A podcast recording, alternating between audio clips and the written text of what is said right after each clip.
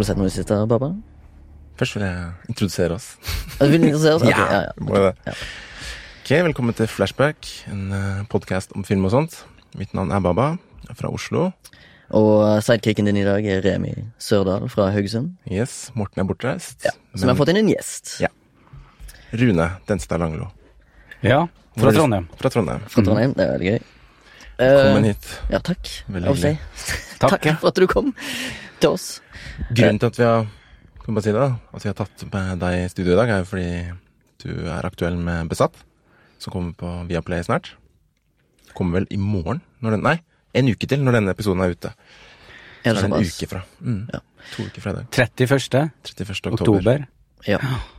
Da er, det, er det sånn at den serien da går ukentlig, eller får du alt på en gang? De slipper alt på en gang, tror Ja, det gjør det, ja. Det er den klassiske Netflix-opplegget. Ja. Herlig.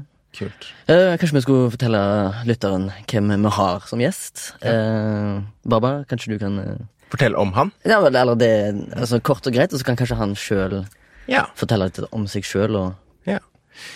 Eh, dette er altså Rune Denstad Langlo, som eh, er regissør og manusforfatter.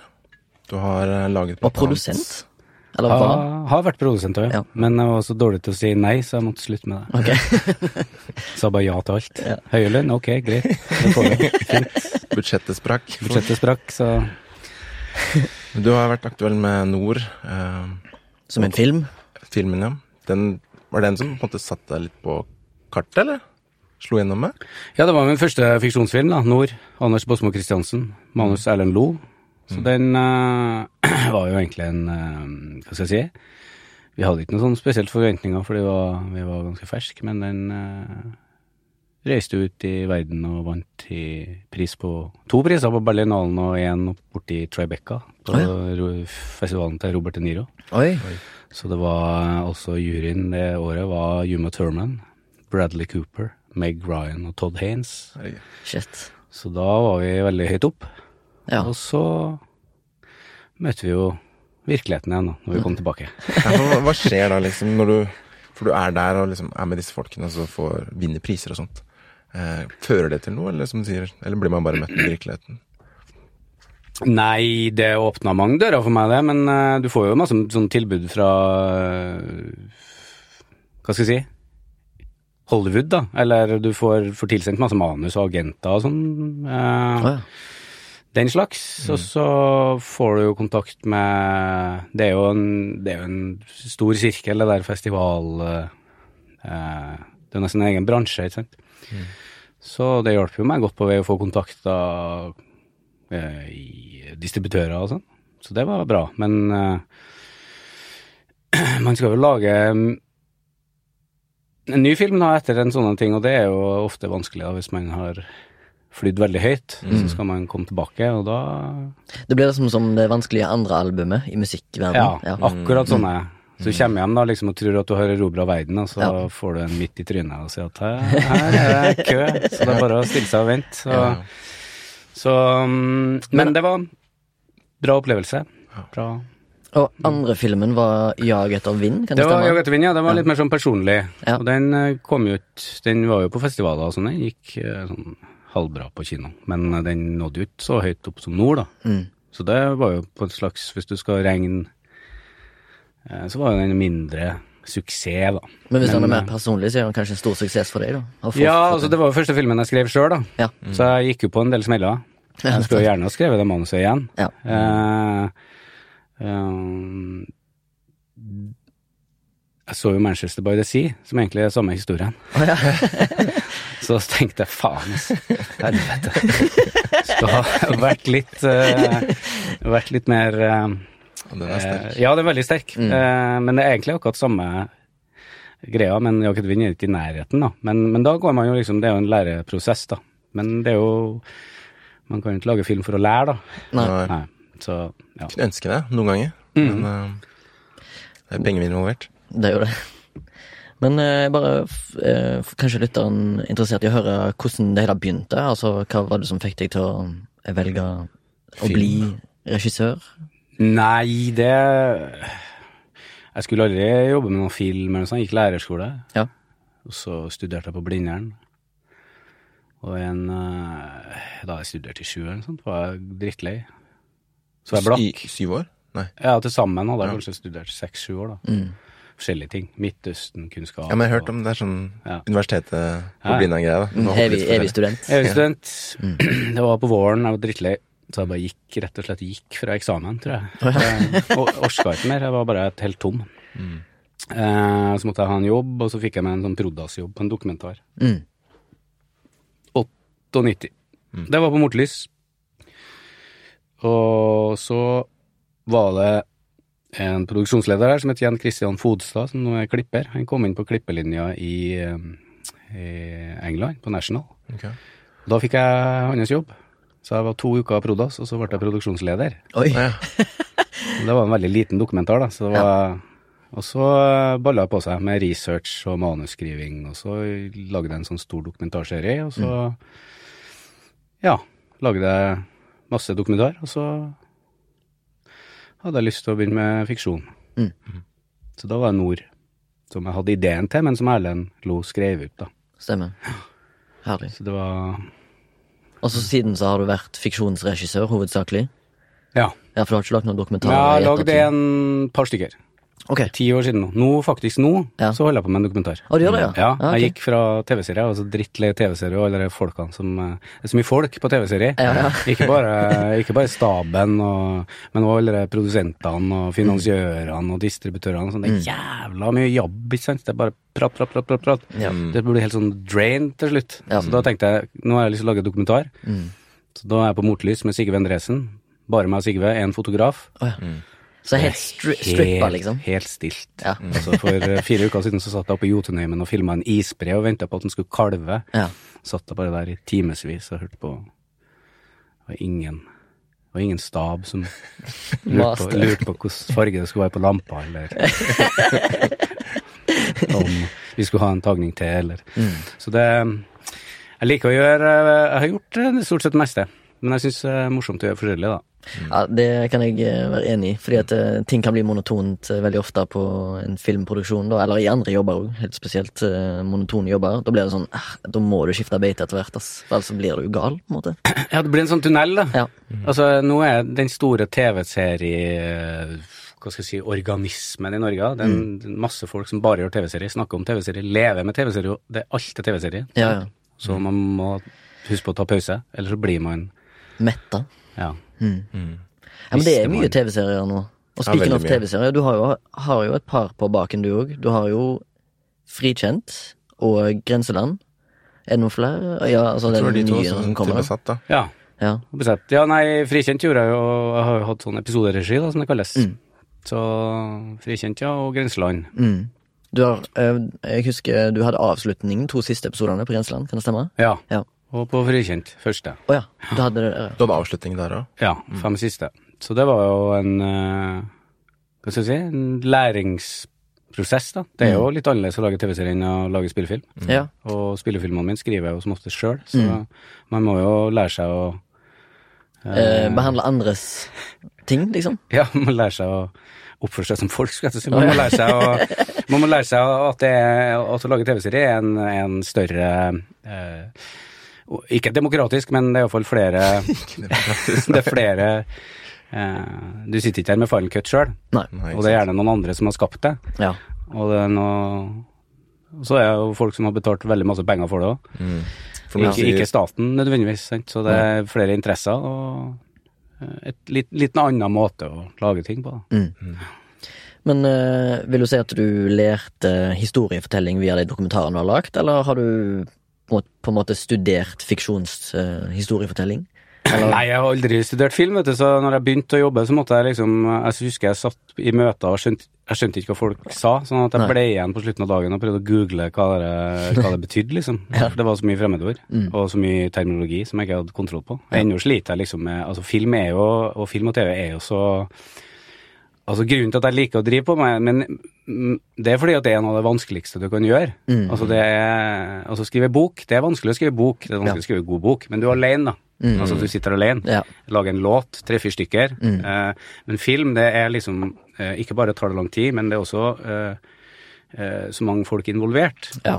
Eh, så det er det jeg liker eh, med å holde på med det, da. men jeg, jo, jeg føler ikke meg at, at jeg er noe utlært. Jeg føler meg Nei. mindre og mindre utlært hver dag. Ja. Nå står jeg og skal ta lyd på Altså, jeg tar lyden på min egen dokumentar, ikke sant. Ja.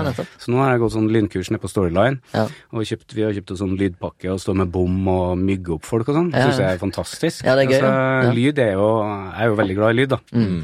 Jeg digger jo De er sikkert drittlei av meg nede på Storyline, fordi at jeg Når jeg holder på med lyd, så er jeg her hele tida. Jeg Ja. synes det er Så det er det som er med film, da. At man eh, Det er noe av det vanskeligste du kan gjøre, men eh, du lærer jo utrolig mye, da. Ja.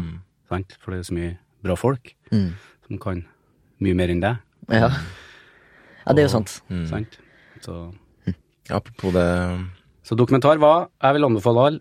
Eh, dokumentar er noe av det beste du kan gjøre for å lære uh, fortelling. Mm. Og så er det billig, uh, eller det er jo ikke Men det er iallfall en måte liksom det, det, Jeg syns det er mye vanskeligere å lage dokumentar enn TV-serie. Ja. Uh, fordi at dokumentar er Det krever mer av av deg, da, som eh, formidler. Fordi materialet, er så rikt, og det, det finnes liksom så mange veier. Mm. Så jeg er veldig glad for at jeg jobba med dokumentar. Jobba med masse flinke dokumentarister og sånn. Mm. Uh, så det Jeg føler liksom at det er en av de tingene jeg merker med folk nå, at folk gjør så mye TV-serie. Uh, at det er jo et Det er en måte å fortelle på, men det kan fort bli ganske monotont, da, hvis Ja. man ikke gjør andre ting. ja. Man må liksom gjøre litt forskjellig, da. Kortfilm, dokumentar, spillefilm. Ja. Så du har jo tydeligvis ikke blitt metta på dokumentarer i og med at du skal tilbake til den eh, sjangeren. Eh, har du, eller ønsker du å si litt om den eh, dokumentaren som du holder på med? ja, altså på strømmetjenester så er jo dokumentar og TV-dramaserier som Mm. Altså dokumentar er vel mer sett der enn spillefilm. Dokumentar er jo Altså har dere sett for, Formel 1-serien for eksempel på Netflix. Ja. Den eh, eh, fantastisk. ja. Eh, American Factory. Eh, Obama og de. Ja, mm. fantastisk dokumentarfilm. Eh, så folk er jo klar for dokumentar, da. Mm. Den dokumentaren lager nå handler om klimasøksmålet. Det er Greenpeace Natur og Ungdom som har saksøkt staten for å oh, ja. stoppe og dele ut konsesjoner oppe i Barentshavet. Så den rettssaken begynner 5. november. Ja. Så vi har vært rundt og filma, ja, var i Jotunheimen og vært på Svalbard og eh, i Valdres og, og filma Og så skal vi filme den rettssaken. Så vi følger noen karakterer, da. Så den er 14 dager, så går den antageligvis til Høyesterett i mai. Å ja. Ja. Yes. Og da skal dere dekke det òg, eller? Vi skal dekke så mye vi kan. Ja. Så hvis Ja. Er dette en spillefilm eller en dokumentarserie? Vet ikke Nei, jeg tror det blir en film, men jeg vet ikke hvor lang den blir. Det vet man jo aldri med dokumentar, da. Men uh, Har du noe ønske Og det er Alvilde Vilde fra Seashore som har foto. Å ja, ja, det, ja. Så hyggelig. Ja. Ja, hun, bra hun som eh, hadde noe Var på noe eh, Hva heter det? Vi kaller det for uh, second unit, da. Second Unit? Ja. Okay. Iallfall der jeg møtte henne, for det var noe skulle filme noen politibiler og sånn. ja. det er kult. Så da var hun med der. Så stilig at du har fått med deg en fra En fra Seizure med fra videre. gjengen. Ja. Mm. Eh, jeg skal be fordi du sier at dok- dokumentar er jo liksom det, det og TV-serier er mer sett på Netflix og sånn enn ofte spillefilm, da. Hvordan er eh, altså pengene for dokumentar, da? Dere er jo mindre folk og sånn, men føler at det er kanskje ikke noe å tjene, men er det liksom, har dere noe å rutte med? Nja, aldri noe å rutte med, men det, men det har blitt bedre. Det er, det er ti år siden sist jeg laga dokumentar, og da var det jo veldig lite. Mm. Så har det skjedd en endring med det, tror jeg, fordi at norske dokumentarer er jo veldig internasjonalt anerkjent. Um, Hva, hva tror du er årsaken til det? Jeg tror at de har spesialisert seg og blitt flinkere rett og slett til å selge filmene sine. Jeg var på en sånn pitch-session i Bergen, og der blant annet Netflix og masse amerikanere var. Og der var det flere norske eh, dokumentarprosjekt som er, altså, har høy liksom, internasjonal klasse. Oi. Og noen ble jo solgt til Netflix òg. Ja, stilig. Så det skjer noe der, altså. Mm. Eh, og budsjettene har blitt høyere. Kan jo plutselig være oppe i åtte millioner for en dokumentar. Oi, shit. Eh, Ja. Det, det er ikke alle som har det, tror jeg. Vi har ikke det. Eh, Nei, nei. Men nok til at det skal liksom eh, gå an å lage bra dokumentarer. Mm. Stilig, altså. Mm. Eh, hvis du skulle eh, hatt et ønske, hvor ville du ha eh, vist do dokumentaren din? Hvis jeg skulle vise den? Mm. Nei. Hvilken plattform, liksom? Ønsker du ønsketenkning her? Øns- Nei, Netflix er jo kult, det. ja. Mm. Sundance, da. Ja. Mm. På dokumentarfilm. Altså dukk. Eh, delen av Sundance er jo bra. Mm. Uh, Hotdogs er jo Det var veldig mye bra, da. Ja. Men for å nå ut til flest mulig, så er det liksom platt strømming er bedre Ja. fremfor kino, eksempel. Ja. ja, men det er litt mer prestisje å vise den på en kino, eller på en festival. Festival er jo bra, men jeg tenker sånn tradisjonell kino. Ja. Kino og Ja. Men Netflix er jo Det skal mye til det, altså. Få solgt den det. Så det er ganske Da Ok. må, da må de iallfall vinne rettssaken. Ja. Hvis de vinner rettssaken, da tror jeg det blir Netflix. Ja, ikke sant. Ja. Så Men det vet vi jo ikke. Nei, ikke sant. Men har dere skrevet noe, liksom Fordi i dokumentar så må du på en måte ikke ha et manus, men har dere det, eller hvordan er det liksom Jeg skriver synopsis, Ja. så prøver å skrive historien hele tida, men den forandrer seg hver gang jeg er ute og filmer. Ja. Eh, mer eller mindre. Så, Men jeg tenkte jo veldig på struktur, ja. mm. Eh, og sånn når jeg holdt med. Eh, for jeg sitter jo og skriver fiksjon på sida òg, så jeg har jo Før så syntes jeg det var slitsomt å skrive sånne ting. Mm. Kan ikke bare dra ut og filme. Mm. Ja.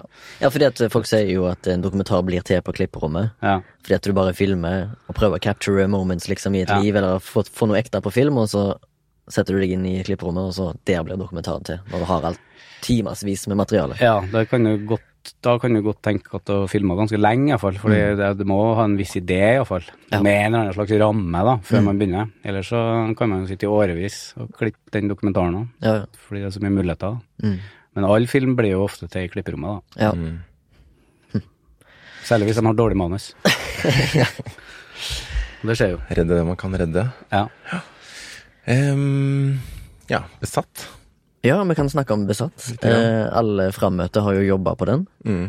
Fra, ja, Iallfall jeg, fra begynnelsen av, og du Baba kom vel inn noe i begynnelsen. Mm. Og Rune, du er jo eh, det som kalles for konseptuerende regissør. ja. Kan du forklare hva det er? Ja. Eh, konsept, eh, konseptuerende regi, da er jo den som, regissøren som har eh, på en måte ansvaret for å lage universet, da. Mm. Eh, hvis serieskaperen ikke har liksom eh, hånda si overalt. Mm. Eh, serieskaperen på Besatt, eller Seizure, som er den engelske, eh, er jo Megan Gallagher. Mm. Hun har jo skrevet, og definisjonen på en serieskaper er jo egentlig at det er du som har eh, kontrollen på karakterene fra begynnelse til slutt Ja. i manuset. Ja. sant? Det er en Mm. serieskaper. Da har du liksom det universet. Er det det som kalles for showrunner på engelsk? Ja. ja. Showrunner, serieskaper. Og det har jo blitt flere og flere serieskapere i Norge. Det er jo veldig mange bra òg. Og Johan Fasting og Thomas Torjussen og eh, eh, flere. Eh, Så serieskaperen har liksom laga historien, da. Men så er hvorvidt i større eller mindre grad de er med på liksom å forme universet. Mm. Og for min del så var konseptuerende regissør og for eksempel eh, ha ansvaret for produksjonsdesign som eh, eh, produksjonsdesigneren. Mm. Caste hele casten. Mm -hmm. um, musikken. Uh, følge opp lyden. Altså hele Altså det kreative, da. Ja, ja. Det som du Eh, ser, og det som du hører, ja. og ja. Og, og også uh, på en måte forme manuset sånn at det liksom glidd inn i det universet da, på et eller annet vis. Mm. Så det er konseptuerende. Mm. Og da betyr det jo at det er mye jobb Ja. før man begynner å spille inn. Ja. Sant? Men hvis man ikke er konseptuerende, så går man jo bare inn med et manus og filmer. Da er liksom alt, Mm. alt planlagt, da. Uh, nå begynte vi å filme Besatt eller Seizure i uh, 2018, i begynnelsen av året. Var det ikke det? Ja, jo, 12. Februar. februar. 12. februar Ja. Og så holdt vi på i et 80-talls dager, tror jeg det var, eller noe sånt. Så vi var oppe i 90. 90, ja. Ja. Mm. Uh, hvor tidlig er du inne i den fasen, da? Når tid begynte du på en måte å jobbe med, med Meggen eller eh, med produksjonsselskapet for å komme inn i, i på, på Seashore, da? Eller Besatt? Og også hvordan fikk du jobben? Det var kult. Eller hvordan du ble Jeg var på intervju, da. Ja. Det var det? Ja. Klassisk eh, Klassisk intervju. Ja. uh, så spurte de hva jeg Så hadde jeg lest, da, ikke sant. Så spurte de hva jeg hadde Hva jeg, hva jeg så i den Mm. serien der, da. Så sa jeg jo det, da. Hva jeg så. Og det syns jeg handla veldig mye om uh, karakter, da. Det er jo alltid for meg. Dramaet. Og så likte jeg veldig godt supernatural-planet. Mm. Og så er ikke jeg så veldig glad i krim. Nei. Og det sa jeg jo, at krim eh, For det er jo et krimplan. Det er liksom tre plan her. Det, Mm. Det handler om to etterforskere, et umakepar, Mm. som det heter.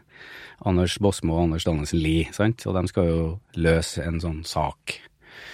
Eh, Men for meg var det karakterdramaet og Supernatural som var det mest fristende. Ja, ja, ja. Og så var jo den saken ganske interessant, men jeg syns jo krimsjangeren begynner å bli Den er jo Ja, den er jo forslitt og utværa. Jeg likte jo veldig godt Beforeigners, der de liksom på en måte gjorde litt narr av hele Ja. Det, det er jo gøy, sant? Enig. De parodierte litt. ja. De gjør noe annerledes igjen, for Ja. litt, litt, kanskje litt mett på Ja, Nordic crimes. og vi hadde jo sånn jeg og Karl Erik Brøndbo som en foto, vi hadde sånn premisser for oss sjøl, sånne regler som gjorde at vi skulle avkrimifisere det litt. Okay. For eksempel var det ikke lov til å ha politibiler. Mm. Å se masse politibiler, for eksempel. Mm. Eh, og jeg tror vi ser én i min bolk, da, som var fire episoder. Ja. Én eller, eller ja, kanskje én i et speil. Ja, sant? ja, ja.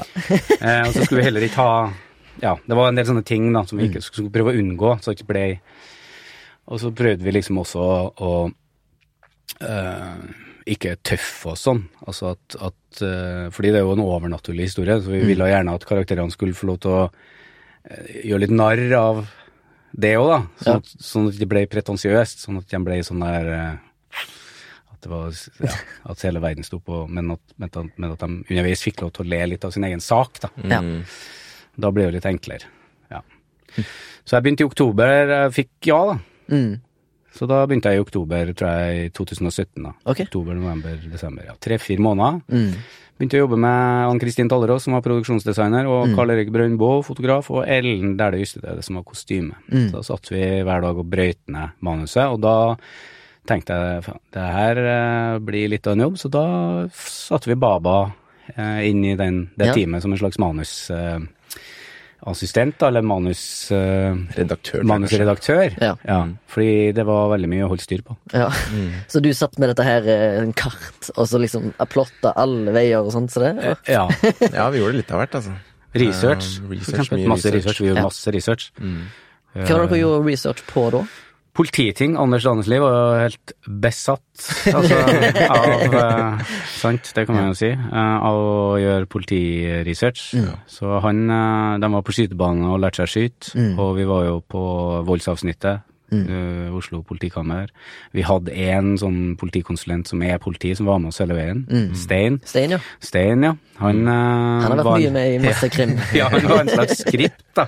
Nesten, ikke sant? Ja, ja. Og så um, uh, var vi på. Ja, vi møtte jo Eva Ragde, søstera til Anne Ragde, som er helt sånn insane krimtekniker. Oh, ja. Veldig morsom. Ja, Stilig. Og, hvis, ja, og jeg har jo gjort research før òg, så jeg har vært på alle politikameraene rundt Oslo og Mm. gjort veldig mye sånn research på det er særlig ofte i sånne overganger og sånn hvordan finner de neste spor, da, som ofte kan bli litt sånn Donald i krim. Sant? Mm. Ja. Det er sånn å, Ja. et telefonbevis, eller det er sånn. Mm. Så jeg prøvde liksom å van- gjøre det akkurat i overgangene. Ja. Der, der hadde jeg liksom, da ringte jeg og snakka med dem og sa hva kan ha skjedd her. Mm. Og så fant jo de ofte ting som var utrolig kult, som, var, som jeg ikke hadde tenkt på. Sant? Som Mm. Ja. gjorde virk, de overgangene virkelig sånn å, wow. Ja. Sant? Så det blir Og det er litt, jeg er litt opptatt av at det skal være sånn ordentlig, da. Men det henger jo ikke Det er jo noen ting der som ikke går an, da. Nei, nei. Sant? Ja, når du har et, eh, når du har et overnaturlig plott, så Ja, kan du heller ikke kjøpe at alt skal være realistisk. Nei, men eh, det, det er jo det er å prøve å få liksom Ved å sikre alt det der, så blir universet mer troverdig, da. Ja. Sant? Hvis, hvis, hvis de har vært helt sånn Hvis, de, hvis ingenting har stemt, liksom. Hvis Mm. Politiforum har skrevet sånn rasende kronikker om at det går ikke an. Ja. Det er jo ikke sånn politiet holder på. Ja. Så hadde jo på en måte det supernatural-planet òg blitt Da hadde alt blitt dumt. Men vi prøvde iallfall Mm. å lage virkeligheten så tett opp mot virkeligheten som den var. Mm. Sånn at vi liksom sikra oss på det, da. Ja, for vil du si at uh, det første utkastet var kanskje litt mer overnaturlig enn det det end, end resultatet ble, da? Eller? Ja, Ja. det vil jeg si. Det var, var flere ting der som gjorde at vi måtte liksom tilpasse det til Fordi når man jobber med karakterer, så, så Hva skal de være? da? Skal de være etterforskere på, på voldsavsnittet, eller skal han være etterforsker på Kripos, eller hva, hva er liksom Så du må liksom putte hele det For Megan skriver jo øh, veldig bra, og så skriver hun jo også øh, Altså, det er ganske mye av det er ganske ko-ko, Ja. og derfor er det bra, sant? Ja. Du drar det helt ut. Mm. Og så må vi prøve liksom å forankre det, alt det der i noe som er noe som publikum kan tro på, da. Mm. Fordi hvis du tror på virkeligheten, så kan jo heller ikke noe være overnaturlig. Nei, nei. Sant? Da blir jo bare alt tull. Ja. Så det var liksom utfordringa å få dem her til å være to liksom sånne eh, karakterer som eh, var basert i virkeligheten, men som plutselig bare opplever noe som er utafor virkeligheten. Mm. Så det var, det var egentlig det vi jobba mest med i forberedelsene, Mm. var det. Og så tenkte jeg skulle spørre deg om eh, du, eh, du sa jo du jobba tett opp med fotograf og produksjonsdesigner, og for å finne liksom, det visuelle te eh, tematikken da, i fargebruk eller den slags, eh, uten å røpe noe om serien. eh, eh, hva, eh, hva gikk du for der i produksjonsdesignet, liksom, veien? Eller dere, hva, hva ble dere enige om tematikk og Vi- fargebruk og sånn? Ja, vi var jo veldig enige om at vi ikke skulle lage sånn Nordic Noir, da, Mm. som er blågrått. Mm. Ja. Eh, blå, blågrått. Eh, men hvis du ser på Anders Danielsen-Lie, så er han jo blågrå. Ja. Så, men vi, eh, bortsett fra han og Anders, Dan Anders Baasmo, er jo svart. Mm. Altså, han har jo en svart eh, frakk og sånn, så det, det, det, det taler jo mot alt jeg sier, egentlig. Men eh, i, vi, vi har litt sånn Jobba med å ha litt sånn varierte univers, da, med litt mer farger. Litt, litt mer fargesterkt og litt rødt. Altså at det var en litt rikere palett, da. Mm. Så vi har ikke noe sånn øh, Vi har ikke noe sånn fargeskjema, egentlig. Nei. Eh, det går litt alle veiene. Uh, hvis det skal være noe, så er det litt grønt i, rundt politistasjonen. Vi bygde jo en politistasjon og Ja, bygde litt i studio og sånn, så eh, Og så var det veldig viktig for oss å unngå hvitt, da. Ikke sant? Og det er jo problematisk når man lager, lager krim i Norden. Ja. Fra offentlige, og det er offentlige kontorer og sånn. Alt er jo hvitt og grått. eh, Hvitt, brunt og svart. Ja. Sånn, Du har de hvite veggene, så har du svarte dataskjermer, så har du sånn brune bord. ikke sant? Ja, ja. Forferdelig. Og det, det prøvde vi da å unngå. Så vi filma jo eksempel på Vi hadde en sånn eh, advokatsideplott, var nede på juridisk fakultet. det er jo fantastisk. Ja, ja. Så man må liksom prøve å eh, Og så hadde vi noen sånne premisser om at vi ikke skulle filme barcode. Det var forbudt. Ja. Så barcode viser vi aldri. Ja. Aldri, operaen. Ja. Mm. så vi nå, det eneste bildet vi har total av Oslo, er liksom tatt fra Alnabru mot, uh, mot det pipa der. Å, ja. Du ser, ikke hvilken by det er engang. Men det var fordi vi ville, vi ville helst holde oss attmed skogkanten da, i Oslo. ja. Sånn at alt skulle være forankra i skogen. For det er jo masse ål og Ja, det, er, styr- det er litt vanntematikk her, og, Ja, og sånn mye vann. Det er jo Mye vann, ja. Du ser i traileren som går på TV òg, at det er mye oversvømmelser og sånne ting som det. Er det noe er det, altså Vil du si at det ligger noe i det? Altså bare i selve det konseptet at det er oversvømmelse? Er det liksom på en måte eh, er det, Betyr det noe for serien, liksom? Er det en stor Hva skal, hva skal jeg fram til her, egentlig? Skal, Om det har en noe symbolsk verdi, eller? ja, Ja. det er en symbolsk verdi. Ja, skjønner jeg hva, skjønner hva du mener. Ja. Det, det har det. Ja. det. Det er liksom i vannet og eh, det, det har en sånn stor symbol, så vi har jo oversvømt. Det har vært to episoder eller noe sånt som jeg prøvde å få Oslo Til å se til å se oversvømt litt ut. oversvømt ut. da. Ja. Det er jo ikke så lett, alltid. Nei. Ja, det var litt eh, Kan jeg fortelle kanskje litt fra sett og hvordan vi jobba. Det var jo, Vi måtte jo oversvømme en del ting, og så måtte vi prøve å lage ei gate. Ja, Så lagde jo Det ble jo bare sånn basseng på en sånn gartnerplass, der vi lagde noe presenning på bakken, og så fylte vi den vann, og så bygde han, eh, han som var snekker, han bygde sammen med teamet sitt, og Morten, det er sånn utvendig av et hus som hadde blitt patinert gammelt. Og så filma vi det som ei gate da, med, med bil, med campingvogn og en sykkel og noe greier. og sånn så det, Ja, Og det så jævlig troverdig ut. da ja, ja det, liksom- og nå ser det jo veldig bra ut. Det er jo Sørland som har gjort VFX. Så vi har laga Vi har også oversvømt i Oslo. Ja, Oh, ja. eh, En sånn droneshot eh, av den gata, da. Mm. Så den, alle greenscreenene er jo brukt i den scenen, og så filmer vi den gata, og så har de lagt på vann, og det ser jo altså helt ekte ut. Jeg gleder meg Ja, jeg ser- sykt til det. Men det var et dyrt bilde, da. Ja. Jeg tror det varer i fem sekunder eller sånt, en sånn over i gata, så satt de nå lenge med det. Ja, Så det er veldig mye VFX da, i serien. ja, men det er jo bra, det. Alt fra ål til mark inni sår til veldig mye morsom VFX, da. Kult. Stilig. Ja, Ja, så det- var jo, husker når vi jobba på den, så var vi mye innom mye veldig tøffe locations, syns jeg. Husker vi var og filma på Kanskje det var din bolk, det er jeg litt usikker på. Vi var på en sånn gammel dynamittfabrikk som var nedlagt. Nede i Skien? Ja, ja, eller ut forbi Drammen, tror jeg det var. Det var, når vi kom til stedet der tidlig på morgenen, så var det sånn eh, eh, narkomane som var der og raida. Å ja, det tror jeg var Eirik sin folk, ja. ja. det var Ja. kanskje det. Det var iallfall Det var helt Altså helt fucka location liksom å jobbe på. Det, alt var nedlagt, og det har sikkert vært nedlagt i 30 år.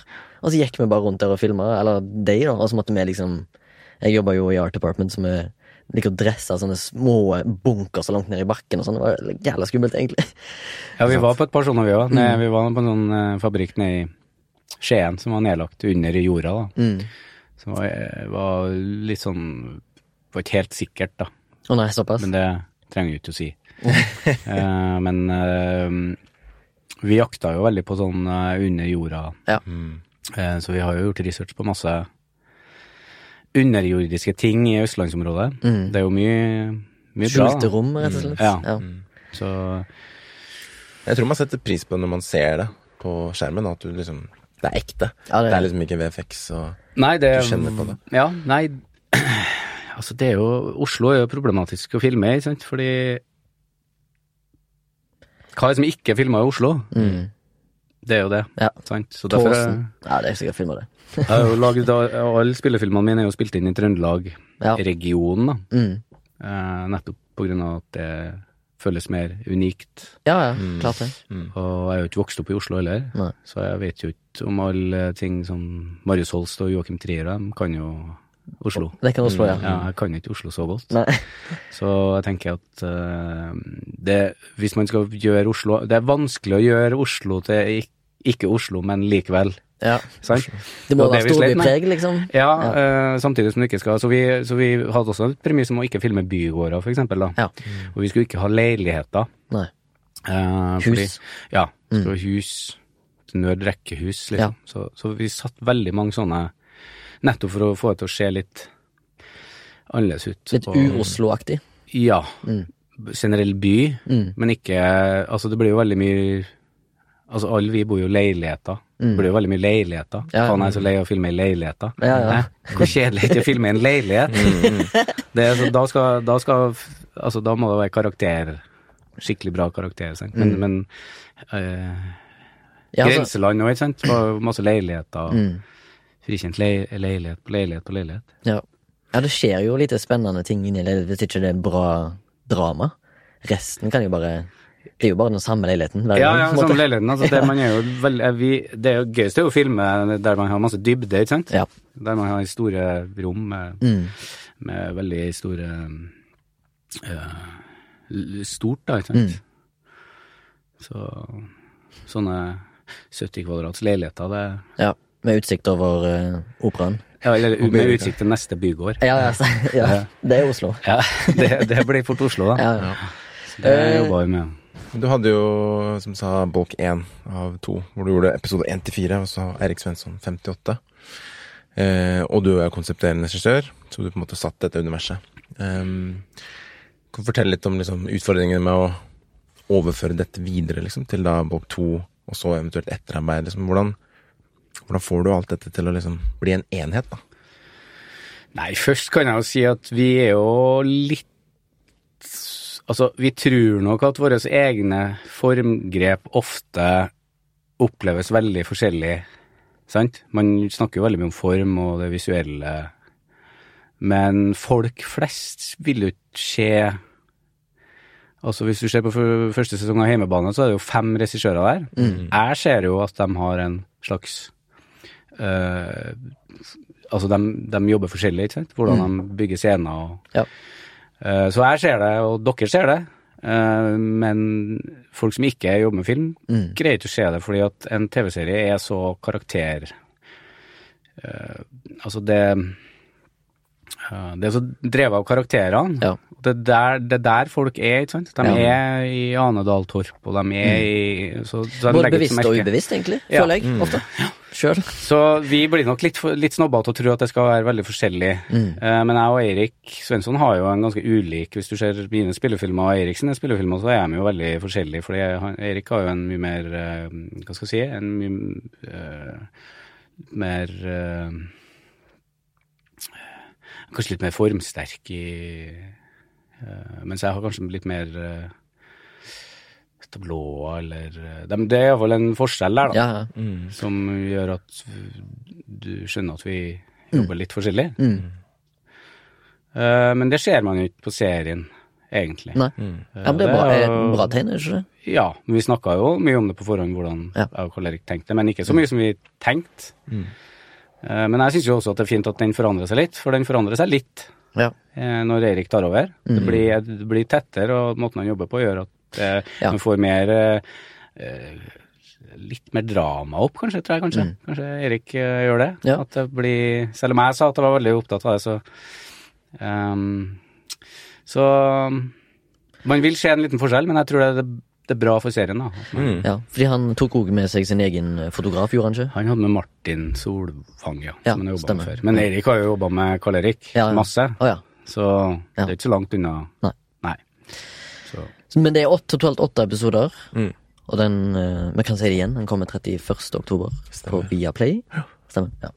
Men det er interessant, da, for jeg har ikke tenkt på det sånn fra den punkt, eller fra det stadiet før at liksom seeren De følger jo karakterene, så de, for dem er det selvfølgelig ikke like viktig kanskje at man formgrep og sånn skal matche, selv om det er forskjellige regissører. Fordi du er liksom med på reisen til karakterene. da. Ja, og det blir jo veldig ofte sånn at øh, Altså hvis det ikke er Game of Thrones, da, som koster Hva koster Game of Thrones, da? En, eh, det koster vel det 15 til Var det 20 100 millioner. kroner per episode? Ja, 100 Ja, millioner per Ja. episode. 100 millioner per episode, da kan du lage mye form, da. Eller altså, Ja. Game of Thrones er jo Men dem har jo veldig mye shot reverse, da, som er sånn mm.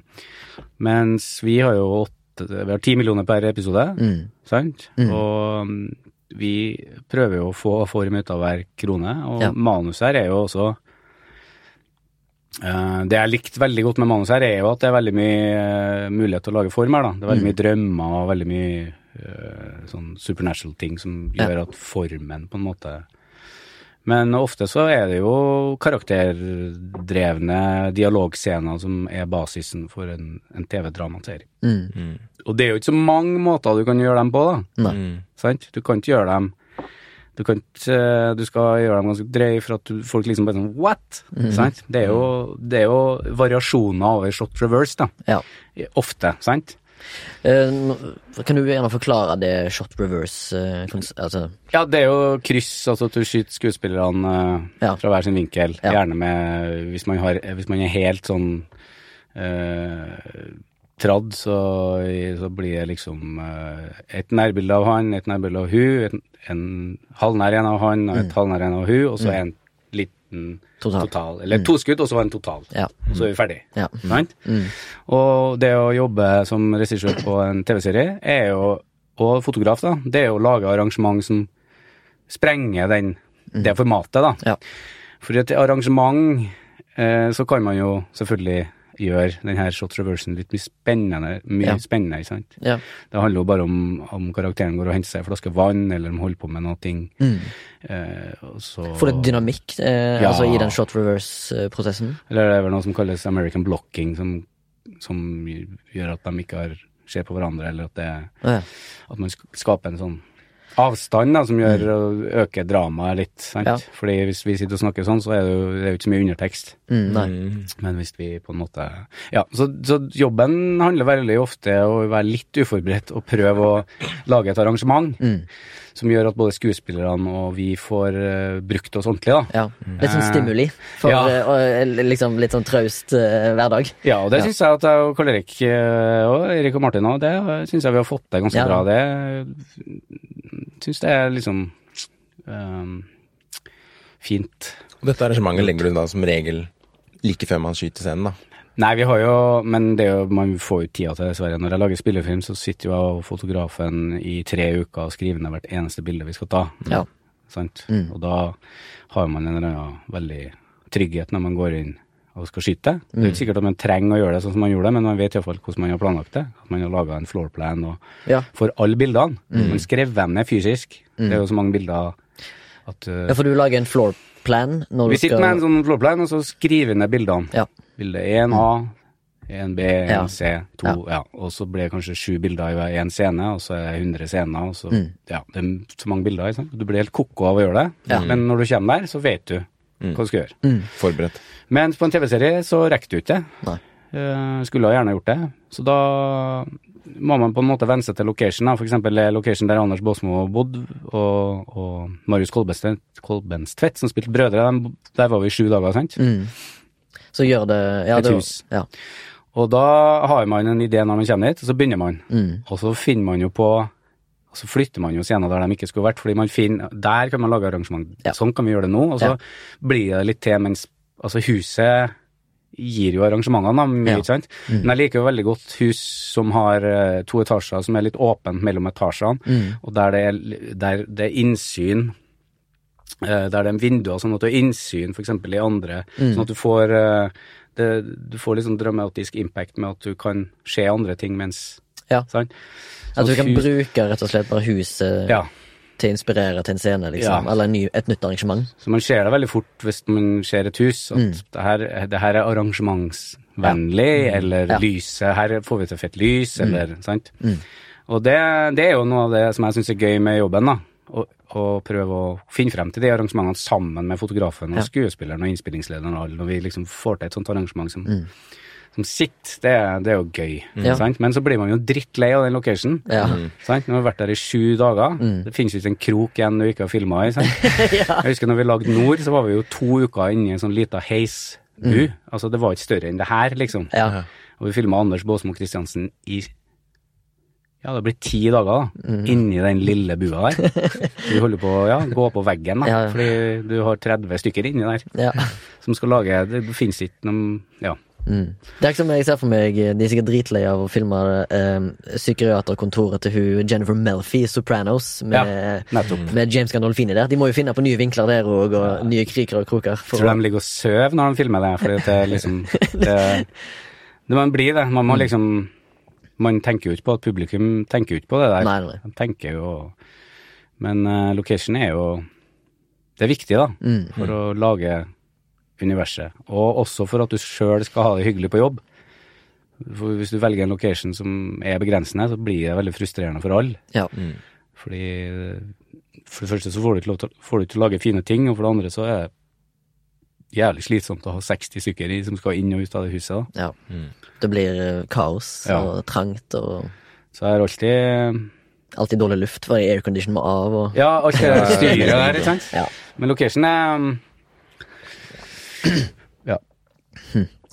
Uh, har du noe ja. Jo, jeg har noe jeg skulle si til deg, eller spørre om, det med tanke på mm, eh, TV-serier og sånn. Om du blir Om du ser på noe for å bli inspirert? Altså noen serieskapere eller serier som liksom skikkelig sånn du går tilbake til for å se på? Har du noen sånne?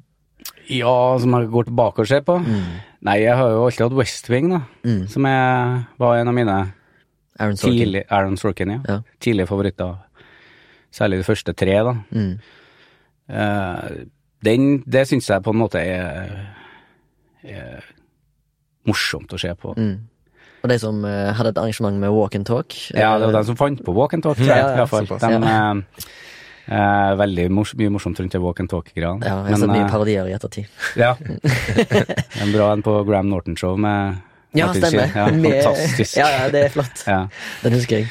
Nei, men jeg syns også eh, hele det greia med at man kunne snakke om politikk, da, og gjøre det interessant. Ja. Og eh, altså de karakter... Uh, og så er jeg jo veldig interessert i politikk sjøl, da. Mm. Så mm, det Den har jeg liksom aldri blitt lei av. Jeg liker jo også å se et par gamle episoder av Seinfeld. Jeg, synes Ja, ja, ja. jeg har nettopp lest den Seinfeldia-boka, Mm. som liksom handler om eh, Den er veldig morsom. Mm. Som handler om hele industrien rundt Seinfeld, og hvordan det oppsto. Uh, og det er veldig morsomt. Seinfeldia. Ja. Jeg husker ikke forfatteren. Ja, men vi kan ha det med i shownotes. Og så er det jo selvfølgelig husker, Jeg husker det var i 99, tror jeg, jeg var på fotballtrening, og det var en fyr som sa at i kveld må du slå på TV-en. Uh, fordi det kommer en serie. Mm -hmm. uh, torsdag på NRK var sånn i halv elleve-tida. Ok. Og det var Sopranos. Og det er jo Ah. vendepunktet Ja. for TV-serie. Og deg. For å, den bransjen vi er i, da. Ja. Ja, Mm. for alle. Sopranos var vendepunktet. Jeg har aldri liksom tenkt at åh, fy faen, det her er jo Går det an, liksom? Mm. Det her. For du var vant til at TV-serier var Det var liksom LLO, komiserier, ja. Seinfeld og. Men her var det film, altså det var Mm. Og så hadde jeg jo veldig stor glede av Six Feet Under med Alan Ball, som Ja, ja, ja. kom fra film og lagde Six Feet Under som om det skulle være film. Ja, stemmer. Det er den sesongen som jeg Eller det er den serien jeg syns har blitt avslutta på mest ordentlig måte. Det er fem, fem sesonger, mm. men den går liksom opp, da. Ja. Og så er det selvfølgelig Wire, The Wire, ja. eh, som jeg og var helt begtatt av. Eh, Ja, for det er nå en sånn serie Altså, jeg kan snakke timevis om The Wire, fordi det er jo en av mine favorittserier. Men eh, det er jo en serie som er veldig, veldig karakterdreven. mm, Og liksom Baltimore som bakgrunn er bare et bonus, på en måte. ja. At de har, at de har den byen med det spesielle preget, da. Det er jo David Simmons, vet jeg. Jo, ja. Ja, Som, David eh, Simon. Simon, ja. Ja. Som skriver eh, Han er jo journalist, Ja. så han har jo jobba veldig lenge som journalist. Og så hadde han jo med seg en skribent som var tidligere politimann. Han, eh, Ja. han, som, er- han som er død nå. Som jeg ikke husker hva heter. Men jeg husker jo det var utfordrende de første tre episodene. Ja, jeg vet. Du, du, Altså, det- du var får så holde- ja, Snøring på alle de folkene. ja. ja, det var veldig intrikat, for jeg, jeg skjønte ikke hva det handla om før sånn episode fire. For det, det introduserer bare karakterer in medias rest. Du begynner midt inne nå noe. Ja. Og så er liksom alle, alle er liksom etablert allerede, og det skal du på en måte skjønne Ja, ja. eh, innen du er ferdig med episode tre eller fire.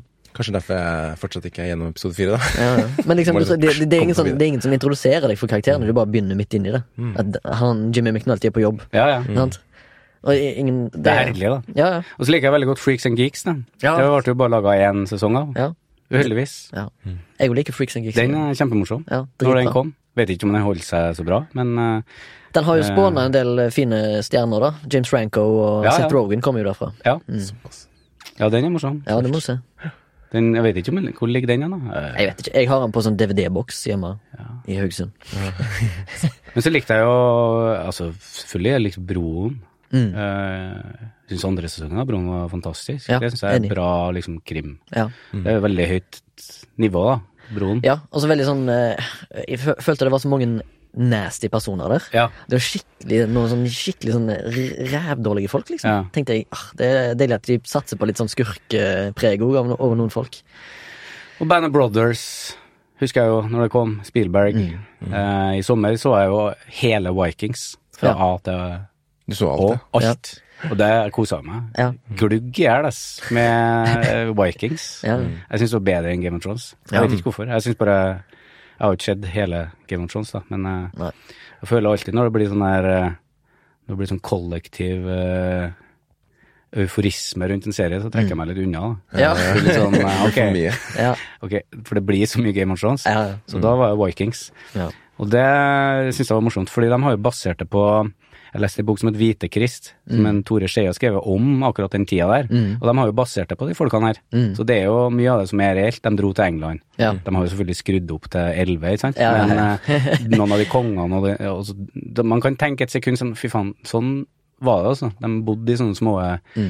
byer på norskekysten, og så rodde de nesten over til England, ikke sant. Seilt over, og så bare høvla dem over engelskmennene, og så bare for de tilbake igjen. Ja. Ganske grotesk, da. Mm. Det er jo ikke så lenge siden. Tusen år. Ja.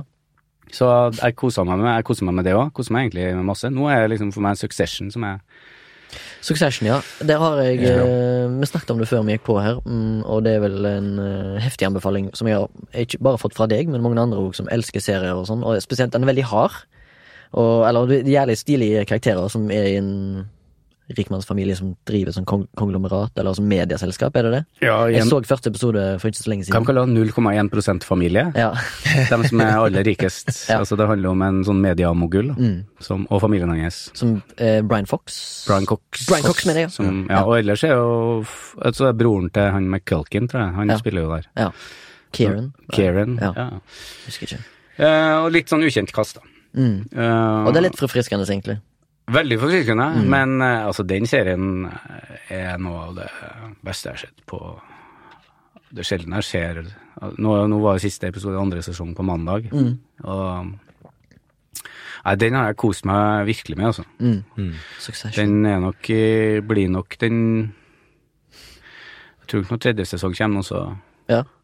De har jo ikke så veldig mange siden det var en og en halv million de hadde borti på, på i USA der. Serier. Er HBO, ja. Mm.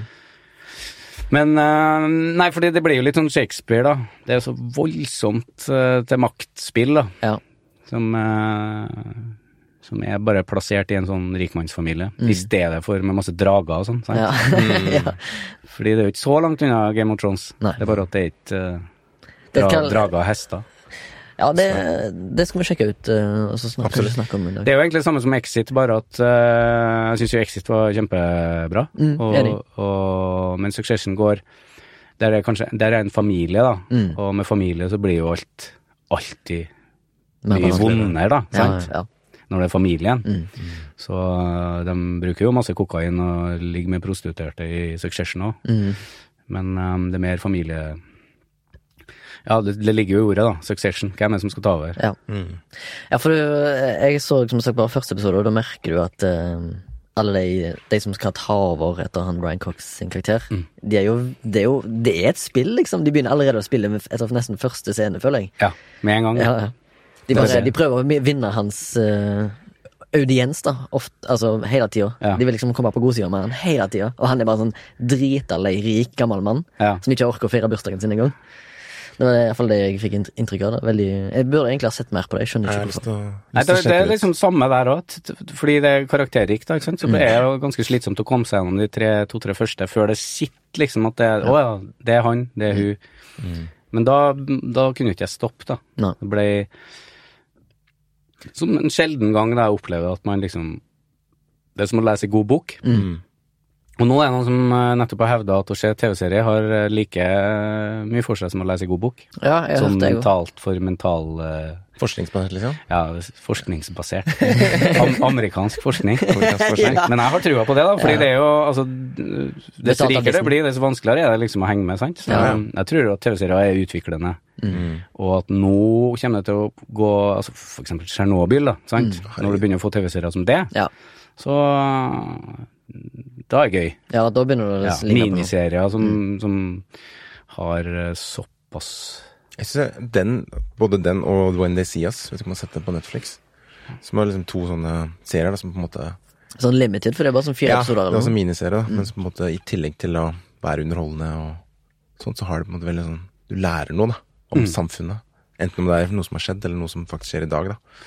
Så um, det Det er kult. Så lærer man jo mye når man jo ikke så altså, Jeg er jo fersk i TV-seriegamet. Mm. Eh, men man lærer jo mye om fortelling, og man lærer hvor, mye, hvor lite penger man har, eksempel, Ja.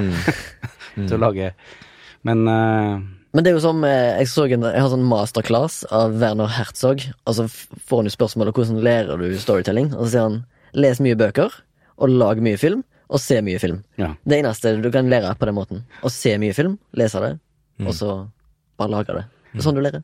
Det, er ikke noe, det er ikke noe fasit. Nei, det er ikke Det er noe universelt Ja. i mennesker, liksom. Historiefortelling. Ja, det er jo det. Mm. Det er jo noe som har holdt på med i titusenvis av år.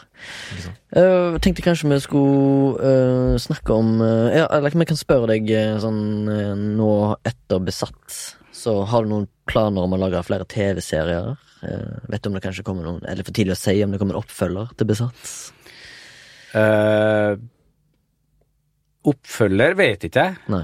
Det er liksom Megan sitt bord, da. Ja. Men jeg tror ikke jeg skal lage noe ny Besatt. Nei. Fordi å lage den serien var ganske Krevende? krevende. Mm. Uh, og jeg liker jo heller ikke å lage uh, liksom Så lenge jeg iallfall får lov til det, så har jeg et slags sånn premiss om å ikke lage Altså originalskrevne ting. Jeg har lyst til å lage originalskrevne ting, og gjerne første sesong, da. Mm. Mm. Eh, Så får heller andre ta stafettpinnen videre? ja, ellers så gjør jeg det gjerne hvis man manus er bra nok. Ja. Men jeg tror ikke Jeg har ikke hørt om at det er noe Nei. Fordi iallfall Anders og Anders-karakterene er jo uh, Det er litt sånn True Detective, tror jeg. Ja. Sånn at de skal liksom ikke være med De har allerede De går gjennom sin eh, struktur. Ja, det var i hvert fall eh, Om det skal være flere, så tror jeg det kommer to nye. Ja. Ettersom det jeg har hørt, da. Men jeg vet ingenting om det, så Nei. det kan godt hende at det kommer. Eh, Er det en sånn antologiserie, for eksempel? ja, Er det blir ikke det det? Ja. Mm. At, uh, jeg syns True Detective og Fargo, ja. Mm. for eksempel. Det- Og det liker jeg jo godt. Mm. Mm. Da Det er bare blir det universet som som er likt. Ja, universet som er likt. Jeg Ja, enig. Mm. Men eh, nei, jeg skriver jo sjøl på TV-serier. Ja, du det, Men eh, det er jo ikke kommet så langt ennå. Altså, det har jo gått sånn at jeg begynte å skrive mine egne filmer for ja, åtte år siden. Ja, ok. Mm. Og nå har jeg lyst Nå har jeg vært gjennom regien og konseptuerende, så nå har jeg lyst til å prøve å skrive ut noe sjøl, da. Mm. Um, det kan jo ta lang tid, det. Ja, det tar lang tid, ja. Eh, det- Ja, Folk tror det er så lett å skrive en manus, men det er jo ikke det. Overhodet ikke lett. Eh, nei, det kommer an på. Mm. Det er lett å skrive manus når ideen er god. Ja, altså, jeg hørte jo han eh, Darren, eh, Darren Aronofsky skrev Mother på ei helg på hytta. Ja. Og så har du Robert McKee som sier Altså som er en sånn skriptmogul. Ja, Ja. guru. Han sier liksom å skrive et manus er som å skrive ei bok, ei god bok. Ja, Det tar år, gjerne. Jeg krangla en gang med Torgrim Eggen hva som var vanskeligst å skrive en roman eller et manus. Og jeg mener jo at det vanskeligste du kan gjøre, er å skrive et manus. Ja.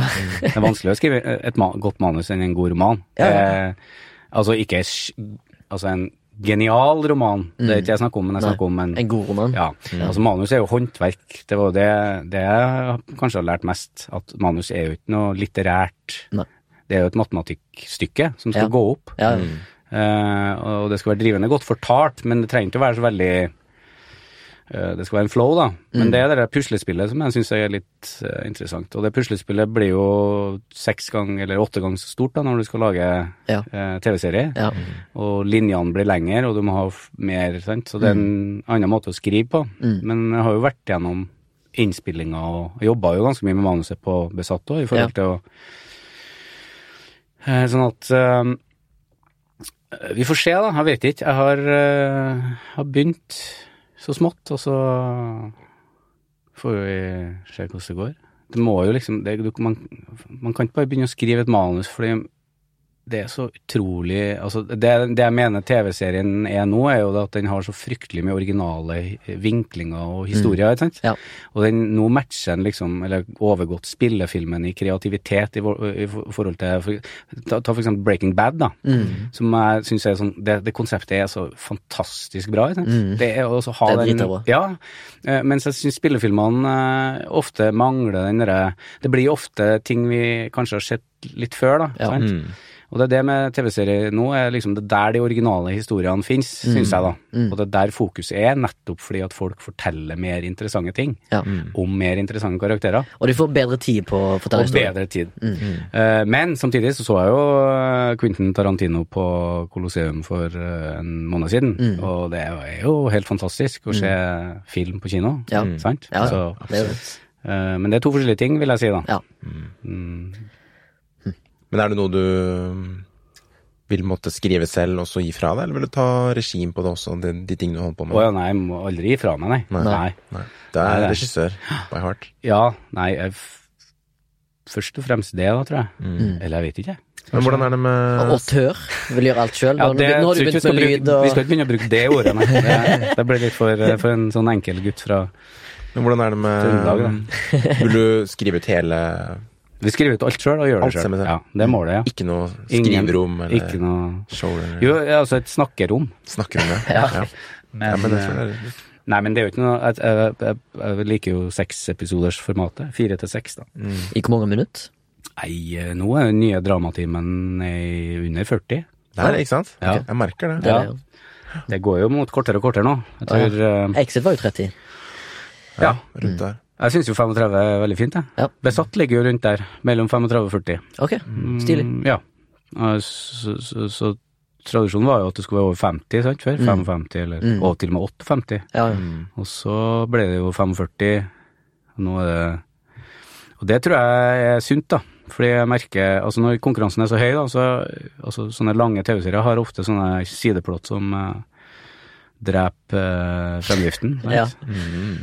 Så det blir Eller uinteressante karakterer dreper Ja. ofte fremdriften. Ja. Så man må Du må liksom stramme til alt sammen. da. Og attention span, og når du ser så mye serier, så skal serien være ganske god. Men den derre Endemora-serien, den Escape Ja, from ja, ja. Endemora, den Ja. var jo ganske lange. Det er jo Det liker jeg jo. Ja, ja, ja. Det, Den men er den er jo det, er jo- det er jo bare godt å se på Ja. når de har så lange episoder. Og så vet Så du, det vil ikke, med du vil ikke ta, igjen. skal ta slutt. For det er så sykt bra. Så det går i bølger der, jeg tror jeg. Mm. Men nå er fall, nå er det trenden at det, at det er under 40, eller rundt 40, mellom 35 og 40. Ja. Ok. og så varer det litt, og så kommer det et nytt. Samtidig så tror jeg at du, du kan ikke komme noe mye lenger ned hvis det skal bli emosjonelt. Det er vanskelig å lage emosjonelt på 30. Ja, det er bra. det. for Og folk skal ha tid til å bygge opp Ja. kontakt og sånn. Liksom. Så, Um, jeg har lyst til å spørre, for du spurte om i stad det, det du jobber med nå og sånt, da, men sånn eh, Klarer du å Hvor ser du deg selv om ti år, da? Liksom, har du noe sånn Klarer du å nei. Jeg tenker aldri det. Men jeg tenker alltid at jeg må prøve å lære meg noe nytt. Men jeg tenker også at å, akkurat nå eh, Jeg har veldig lyst til å lage dokumentar, da. Mm. Eh, fordi det Hva skal jeg si?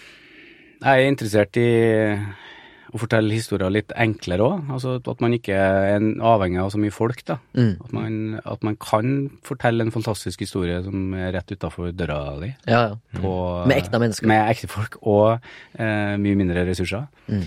Og så handler det også om å fortelle, da. Eh, visuelt. Ja. Så om jeg lager dokumentar eller TV-serie eller spillefilm om ti år, det gjør ikke så mye. Det gjør ikke så mye om jeg underviser heller, for jeg liker veldig godt å undervise. Mm. Uh, men uh, ja, for du ble lærer til slutt, eller? ja, barneskolelærer ble Ja. det. Mm. Men uh, jeg har jo undervist på sånn universitet og sånn. Ja. Så eh, det er jo Ja. Konkurransen er jo høy, da, Ja. Ja. når man skal lage ting, så eh, Hvordan er det eh, Hvordan er Ja, ikke sant, sånn som å jobbe som arbeidende regissør i dag, da, hvordan er det liksom med tanke på økonomisk trygghet og familieliv og liksom alle de tingene i tillegg, da? Nei, på TV-serier så tjener man jo ganske bra, men jeg har ikke hatt Jeg fikk min første lønn utbetalt nå siden mars, tror jeg. Mm. Så det er jo helt vanlig, det. Man må legge seg opp litt penger, Ja. men samtidig så har jeg jo lyst til å gjøre Jeg har jo aldri gjort reklame, da. Nei. Jeg har aldri laga reklamefilm. Aldri? Aldri. Jeg lagde én, og det var for eh, Regnskogfondet. Ja. Så, men det er, handler ikke noe om at jeg ikke liker reklame, men det handler om at jeg eh, egentlig aldri havna der. Og så eh, ja liker jeg veldig godt å jobbe med skuespillere og historier, da. Mm.